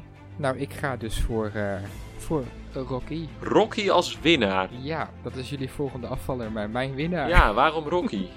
Waarom Rocky? Ja, ehm, ja, ik voel gewoon die Nathan Rutjes vibe wel. Die heeft dan niet gewonnen. Die heeft wel de finale gehaald, dus ze lijkt me heel erg fanatiek. Ze heeft ook in de eerste aflevering wel zo'n quote gehad van... Ik ga winnen. Ik ben heel layback, maar pas op, ik ga winnen. Mhm. Dat zou natuurlijk een eh, winnaarsquote kunnen zijn. Oké. Ja, dus ik zet voor nu in op, eh, op Rocky. Oké. Dan gaan we door naar de vraag van het programma. Wie is de mol? Vorige week eh, waren we verdeeld en zaten Lars en Tycho op Marije. Zette Jan nog in op Lakshmi. Ja, klopt. En zat ik op Rocky, die ik dus nu net als winnaar heb genoemd. Dus dat klopt niet meer. Ah. Dus Tycho, wie is de mol? Hmm, Ja. ja, ik zit nog steeds een beetje te twijfelen. Ik denk dat ik Marije ga zeggen. Het is best wel opvallend met al die felle kleuren en zo. Net als Ja. Splinter trouwens. En Lakshmi. Dus dan zit ik misschien toch te denken aan meer zo'n zo'n ja, Florentijn of zo, die een beetje vaag ergens grijs in de achtergrond zit. Ja, ja ik, ik, ik ga nu nog voor Marije, maar ik weet niet of dat volgende aflevering nog steeds zo is. Oké, Jan. Ja, met pijn in het hart ga ik weer terug naar mijn mol van de voorbeschouwing. Dat, heb ik, dat is Florentijn. Maar ik ben ook een beetje bang, want hij wordt ook het meest verdacht in de app volgens mij. Dat is niet altijd een goed teken, meestal niet. Maar, en ik wil hem ook niet als mol, dus ik zit nou eigenlijk heel erg te twijfelen over wat ik nu heb opgeschreven. Maar voor nu gewoon Florentijn, eigenlijk om wat we deze aflevering hebben besproken. Dat toch wel mollerig gedrag van hem. Dus eh, ja, ik ga nu voor Florentijn. Oké, ja, ik eh, kan mij daar gelijk ook bij aansluiten. Mijn mol is nu ook uh, Florijn. Inderdaad ook gewoon doordat, ja, ik heb ook aflevering 1 teruggekeken en het is echt super obvious als je dat zo bekijkt. Maar ja, is het dan te obvious of is het de, ja, een Hmm. soort van Miluska-strategie? Oh jee. Je, je kan er nu gewoon niet omheen dat het wel verdacht is en dat het heel raar is. Dus ik zeg gewoon dat hij de mol is. Nou Lars, dat dat jij eh, een andere tunnel induikt. Ja, ik zei eerst Marije, maar ik ga nu in tegen alles wat logisch lijkt voor jullie. En ik zeg Lakshmi. Omdat Eh, ik, Oké. ik kan het niet, ik kan niet geloven dat ze haar niet één keer op een verdachte manier laten zien. Ja. Dat, dat komt bij mij gewoon totaal niet binnen. Ik weet dat het niet logisch lijkt, maar ja, Ja. ze- Ik, ik, vind het wel, ik vind het wel moedig van, van je. Dat dat Ja, laat ik maar... Ja, René is daar de Ergens. kip zonder kop, zal ik wel hier de kip zonder kop zijn. Nou, wie weet. Nou, ja, ergens hoop ik wel voor je dat je uiteindelijk gelijk hebt. Ergens. Ja, dat ik Maar- ook zo'n mooie arc krijg als jij vorige keer Precies. met Jeroen. Ja, Ja. Ik, ik krijg wel een beetje flashbacks hoor. Eh, Ja, maar ik heb nu ook geen zin om je uit te lachen of zo. Want dat hebben we natuurlijk vorige week, of eh, vorige week, vorig jaar, nee niet vorig jaar, een paar maanden terug met Tycho gedaan. Echt uitgelachen en dat soort dingen. Ik Ja. ga het nu toch maar niet meer doen. Je weet het nee, het is gevaarlijk. Ja, gevaarlijk. precies. Wie het laatst lacht, lacht het. Ja, laten we het daarop houden. Ja, dat, dat was het eh, voor de competitie. Dat was voor de inge- competitie. ingezet. Ja. ja voor, voor, voor vandaag wel toch? Ja, maar Dennis. ik heb een vraag voor jou. Oh jee. Ik heb namelijk van tevoren aan onze mede-podcastgenoten Jan en Lars wat opdrachten meegegeven die zij in het geheim moesten uitvoeren tijdens deze podcast. Oh, dat gezegd. En mijn vraag aan jou, Dennis. Kun jij twee van de opdrachten noemen die zij hebben gedaan? Als dat lukt, dan, eh, dan win je de eer. Videoboodschap van Miluska Meulens. oh, dat zou geweldig zijn. Oh, ik heb echt geen idee. Had je dan geen moment dat je dacht van, oh, dit is een beetje gek of zo? Nee, ja, ik, ik vond die reclame van Tigo gek, maar als, die heeft geen Ja, opdracht die vond ik ook gek dan. trouwens. Ja, Die snap Ja, ik ook dat- niet. dat was wel gek, gek. maar... Misschien had dat, ook eh, weer een geheime ja. opdracht. Ja, Had Ja. jij, Tycho, had jij niet een opdracht die wij ook niet mochten weten? Nee, helaas. Ja, dat is van een hele extra, dubbele laag. Ehm, ja, wat hebben jullie gedaan? Ehm, ja, Lars had wel een keer dat zijn camera uitviel en heeft nu wel voor het eerst een camera aan. Dat is misschien, ja, nee, dat zou hij vorige keer ook, ook al doen. Dat is raar. Ehm, ja, ik ik heb echt niet opgelet, jongens, sorry. Ja, misschien, misschien iets eh, met een naam van iemand. Oh, jij hebt Daan genoemd. Ja, klopt.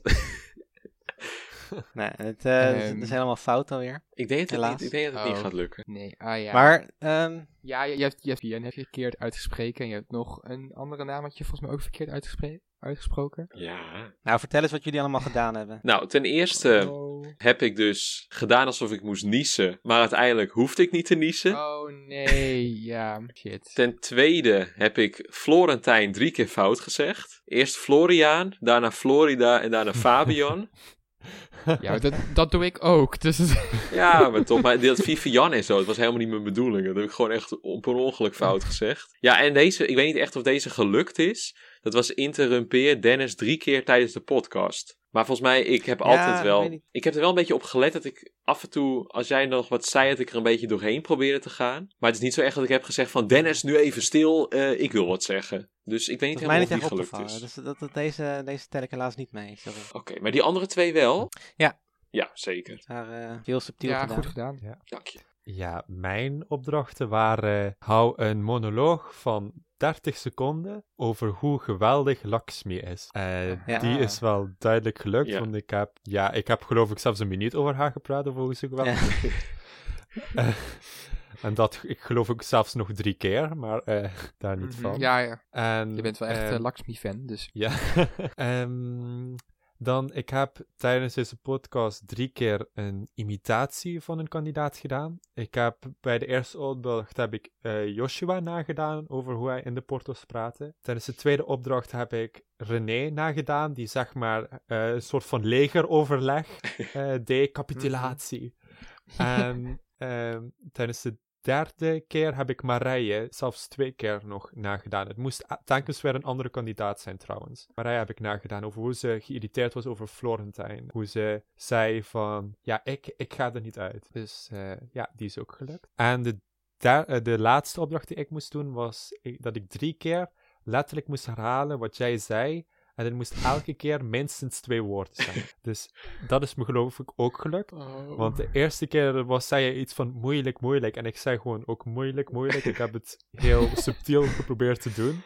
Ja, Eh, ik weet Het het is mij trouwens totaal niet opgevallen, dus je hebt heel subtiel gedaan. Ik heb het heel subtiel gedaan. Maar als je terugluistert, weet ik zeker Ja. dat je kunt horen dat ik het heb gedaan. Want de derde keer was ik nog aan het twijfelen of het me echt was gelukt. Want ik had het een beetje ja, geparafraseerd, om het mooi te zeggen. Maar ik weet niet of dat ja, precies was gelukt. Dus heb ik daarna heb ik nog een keer ja, jou precies herhaald. Maar ik weet ook niet meer precies wat ik zei. Dat gaan we terugluisteren. Ja. Dan moet het er niet eh, uitgeknipt worden natuurlijk. Nee. Nee, klopt. We zijn er nu ons van bewust. Dus eh, ja. Nou, goed Nou, gedaan, leuke jongens. opdracht. Het was eh, trouwens een heel leuk idee van Tigo. ja, Ik er nog even bij zeggen. Echt gelukt, Tycho. Ja. Dank u, dank u, dank. Zeg eh, Dennis, op welke manieren kunnen mensen ons bereiken als ze een hint hebben of een eh, theorie of, of wat dan ook? Ja, dat kan eh, via Facebook of via Instagram en natuurlijk wieisdemol.com waar wij ook actief zijn en ons eigen topic hebben. Daarnaast kan je natuurlijk onze afleveringen luisteren, wat je misschien nu doet, op eh, Spotify, op Soundcloud, Apple Podcast en natuurlijk op YouTube. Je kan nu ook, ja, ik moet eventjes goed opletten op de uitspraak, want daar werden we ook op aangesproken dat het geen eh, patron is en geen eh, eh, patron of hoe zei ik dat de vorige Ja, keer? ik weet volgens mij zeiden wij het redelijk goed, toch? Nou, iemand heeft ons toch? wel op, a- op aangesproken en de uitspraak was echt zo patron, patron. Ja, want waarom moet het in het Engels zijn? Het kan, inderdaad, in- het kan ook in het Frans. Patron. Of, eh, het komt uit, want dat had iemand dus ook Patron. gereageerd. Het komt uit het, volgens mij, brudum. Je had gezegd dat het uit het Latijn komt, van patronus. Of het zal wel patronus zijn dan. Dus waarom moet je, waarom moet je het niet in de Latijnse uitspraak? Waarom moet het in de Engelse uitspraak? En waarom niet in de Nederlandse uitspraak? Ja. Dus, ehm, Nou, Ja, of, of de Britse, kunnen we nog proberen. Patron. ja, bijvoorbeeld. Nou, we hebben ze nu in ieder geval allemaal gedaan, dus dat, er zit vast één goede tussen. Ja. maar dat kan je dus worden via Patreon. Oh, dan doe ik dat ze- zeker weer verkeerd. Nou ja, oké, whatever. En daarmee steun je onze podcast om het nog beter te maken. En eh, krijg je natuurlijk wat leuke extra's. Zoals. Zoals een panikerende shout-out in de podcast. Extra content van ons. En ja, nog veel meer leuke Discord-events bijvoorbeeld. En je mag meestemmen. En nog veel meer. Je hebt inbreng in wat wij gaan Ja, ja, bespreken. zeker, zeker. Allemaal leuke extra's. En we hebben nog iets speciaals, namelijk het enige echte onofficiële mollied. Ja, Die hebben wij samen gemaakt, wij Totale Tunnelpaniek, samen met de Wie is een Mol Discord van Jolanda. En eh, ook in samenwerking met Siem, hoe heet die ook alweer op YouTube? Siem? Siem heet hij ook op YouTube. Ja.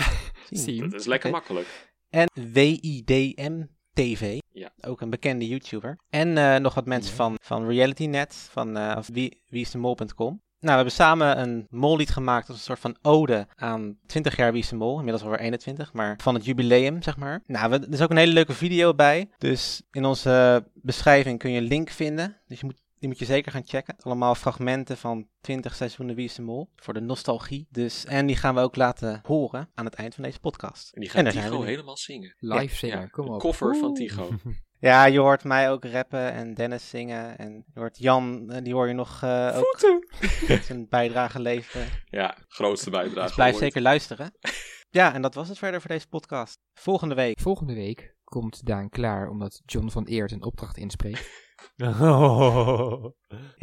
Nee, volgende week bespreken we Tsjechische goddia's. Dan zien we hoe fucked up de shit volgens Joshua nou werkelijk is. En speelt Joshua Tom Cruise, die dan weer Batman speelt. Bedankt voor het luisteren en tot volgende week. Groetjes. Dag.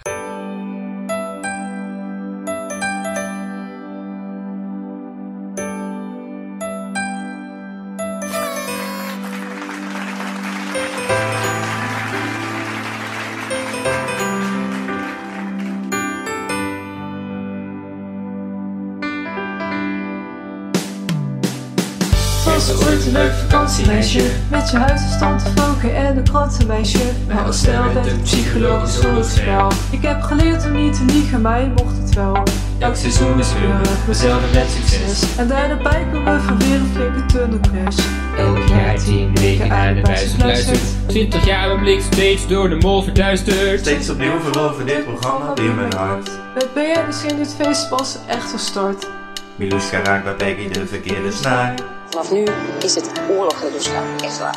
Ik denk terug aan Dick en op het Thaise water Zo romantisch op dat vlot, samen met Renate Shit, we zitten met z'n nest Weer een opdracht zonder hulp van de mol verpest. Wie is de mol? We kijken al een tijdje. En als ik de mol was, dan gooide ik een krijtje. Wie is de mol? Wow, wie is de mol? Ik loop langs Als Jan of Hans. Wie is de mol? Elk seizoen weer fout, het is een kunst. Mijn mol moet wel naar huis, mijn assen heeft. Ja, ja, ik heb lekker geluncht. Dus ik weer de schulden in de foute mol geloofd. Ik heb geen idee, dan gaan Er zoveel dingen in mijn hoofd. de mol is Sanne, nee toch Frits. Of Arjen Lubach af. Denk iedereen wel eens op een dag. 2011 zou ik nu eindelijk de mol gaan zien. Ja, achteraf zeg het maar hoor. Nobody 2012 gelukkig was er nog geen mol op toen. Nul punten zouden mijn zelfbeeld geen goed doen. 2013 weer verkeerd, ik stop ermee groeten. En ik dacht een keer nog, ik voel dat echt in mijn voeten. Toch blijven kijken, ik ben nog niet toe aan een B. Die prachtige finale met Sophie, Suzanne en Freek. Mijn grootste droom blijft om ooit mee te doen als kandidaat. En de pot te winnen omdat ik de mol goed raad. Wie is de mol? Vooraan in de fanfare. En als ik de mol was, dan maakte ik gebaren. Wie is de mol?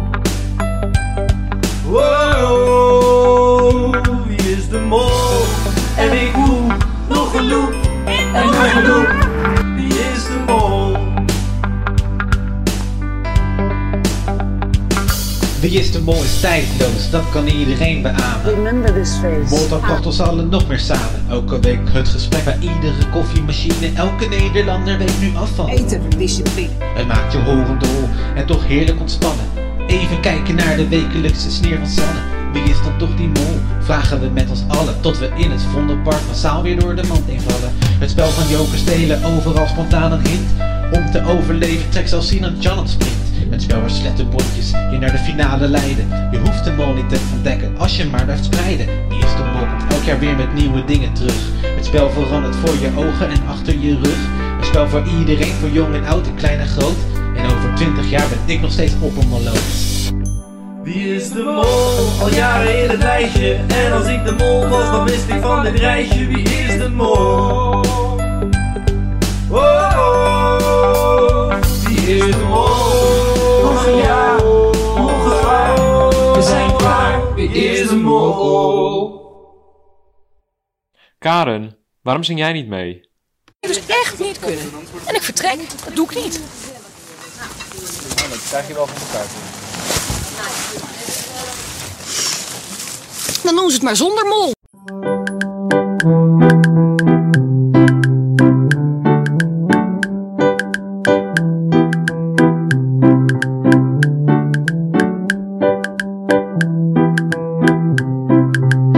Er was totale tunnelpaniek.